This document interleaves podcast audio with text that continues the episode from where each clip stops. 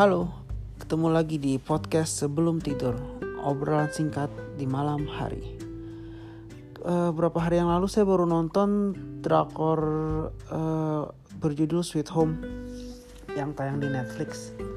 Jumlah episodenya itu cuma 10 ya. Kalau standar biasa drakor Korea itu kan 16. Kalau dia ini cuma 10. Uh, lebih ke serial pendek gitu kali ya. Ceritanya tuh diangkat dari webtoon berjudul sama kisahnya tentang Cha Yun So yang diperankan aktor uh, bernama Sung Kang. Uh, seorang remaja berusia 19 tahun dia tuh introvert. Baru pindah ke apartemen tua yang namanya Green Home.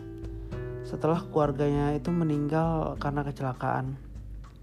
Yun So ini tuh uh, kerjaannya sehari-hari setelah pindah ke apartemen itu cuman ngurung diri dalam kamar uh, apa lagi namanya? Kerjaannya cuma main game. Uh, sama makan itu cuma makan mie instan aja.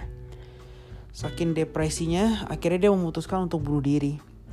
Nah, tapi sebelum dia melakukannya ternyata dunia jadi kacau. Uh, orang-orang tuh berubah jadi monster. Kalau di tulisan di posternya itu uh, di poster Sweet Home ini keren sih. Mati sebagai manusia atau hidup sebagai monster. Jadi pilihannya cuma dua gitu. Kalau uh, ya lo bisa mati gitu karena dibunuh sama monster atau ya bertransformasi jadi monster. Sebelum jadi monster itu nggak uh, setiap manusia itu nggak langsung jadi monster ya. Jadi uh, pertama tuh mimisan uh, terus habis itu mulai tuh terserang tuh gejala-gejala untuk berubah menjadi monster. Uh, setiap monsternya ini tuh merupakan uh, refleksi dari keinginan terdalam manusia. Jadi kalau umpamanya dia orang manusianya ini pengen punya kaki gitu. Ya, nanti dia bakal punya kaki. Oh dia cacat eh, gak punya kaki. Dia kan pengen punya kaki. Nanti uh, monsternya itu akan mewujudkan uh, akan jadi monster yang punya kaki. Kakinya itu mungkin bisa berlari cepat atau gimana. Ada contoh juga monster yang binaragawan. Badannya tuh jadi gede banget dan dia tuh selalu mencari protein protein gitu. Ada juga ibu yang uh, uh, apa kehilangan putrinya uh, anaknya gitu yang masih kecil akhirnya dia menjadi bayi gitu. Jadi uh, monster-monster ini ya penggambarannya unik-unik dan beda-beda. Akhirnya kan Yuns uh, uh, mereka yang terjebak di apartemen uh, Green Home itu ada beberapa orang. Lumayan banyak sih karakternya tapi kalau karakter utamanya itu cuma tiga orang Nah karakter-karakter pendukungnya ini kita tetap uh, walaupun namanya banyak gitu ya kan nama-nama Korea mungkin agak susah kita hafalin. Tapi kita tetap bisa uh, mengenali gitu karakternya karena setiap karakternya tuh punya uh, backgroundnya masing-masing dan mempengaruhi cerita banget. Kayak ada patua yang egois, pemilik uh, supermarket di Green Home itu yang pelit dia pengen banget uh, dia botak gitu pengen uh, akhirnya pakai wig Nah akhirnya dia jadi monster yang uh, berambut. Ada juga istrinya dari Pak Tua itu yang kerjanya dipukul. Itu juga akhirnya berubah jadi monster tapi pasti episode berapa episode episode belakang lah. Nah ceritanya itu tentang episode awal-awal itu tuh uh, cerita tentang mereka menghadapi bertahan hidup melawan monster yang ada di Green Home itu karena kan beberapa penghuninya itu udah berubah jadi uh, monster itu. Nah Hyunsu ini pun juga sebenarnya udah berubah menjadi monster. Tapi dia tuh kayak uh, uh, transformasi yang spesial gitu karena dia masih bisa uh, menjadi manusia. Jadi kadang-kadang jadi kekuatan monsternya itu akhirnya dimanfaatkan uh, sama uh, penghuni apartemen itu untuk uh, kayak mamanya ngambil-ngambilin barang gitu. Pokoknya uh, oh, tolong ambilin barang gue dong di kamar ini gitu. Ambilin uh, makanan atau apa gitu. Dan dia juga menjadi salah satu pelindung di apartemen itu. Karena dia punya kekuatan monster yang kalau dihajar sama monster dia bakal bisa sembuh lagi. Sampai akhirnya uh, uh, apa namanya ada pihak pemerintah yang tahu kalau dia tuh punya kekuatan spesial itu gitu. Pihak pemerintah ini tuh pengen ngambil dia untuk dijadikan eksperimen. Kok dia bisa sih tidak uh, pasti tidak berubah banget jadi monster gitu masih bisa kembali lagi sebagai manusia.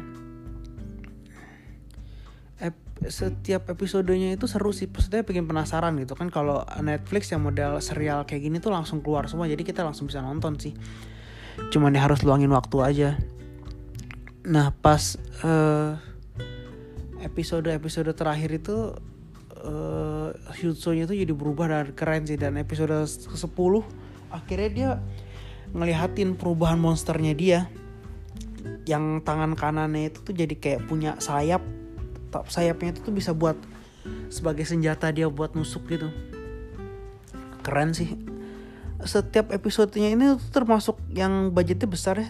3 sampai 34 m biaya yang dikeluarkan sama Netflix untuk uh, bikin serial ini wajar karena emang monster-monsternya itu tuh detailingnya parah sih. Gambarnya juga bagus tone warnanya asik banget sih. Agak-agak dark tapi masih bisa ditonton nggak nggak bikin kita uh, matanya tuh jadi udah gelap banget gambarnya tuh. Enggak gitu. Bagus gambarnya. Ceritanya sendiri kalau emang pernah baca webtoonnya gitu agak beda sih dengan serialnya tapi perbedaannya tuh nggak terlalu signifikan mama kayak di kalau di versi webtoon itu tidak diperlihatkan uh, para penghuninya itu keluar dari apartemen itu jadi kayak pusat ceritanya itu di apartemennya aja Sedangkan kalau yang versi serial ini dikasih lihat bahwa ada kehidupan lain di luar sana tuh para tentaranya kayak gitu-gitu loh. Kalau di itu sih nggak ada. Terus abis itu juga uh, kalau emang nonton ini pokoknya penasaran kok ini monsternya tuh kenapa sih mereka bisa jadi monster? Gak ada penjelasannya sama sekali. Kalau di bahkan kalau di webtoon itu benar-benar gak ada penjelasan. Kalau di sini tuh kayak ada blog yang bilang kalau ini sebenarnya tuh kutukan gitu.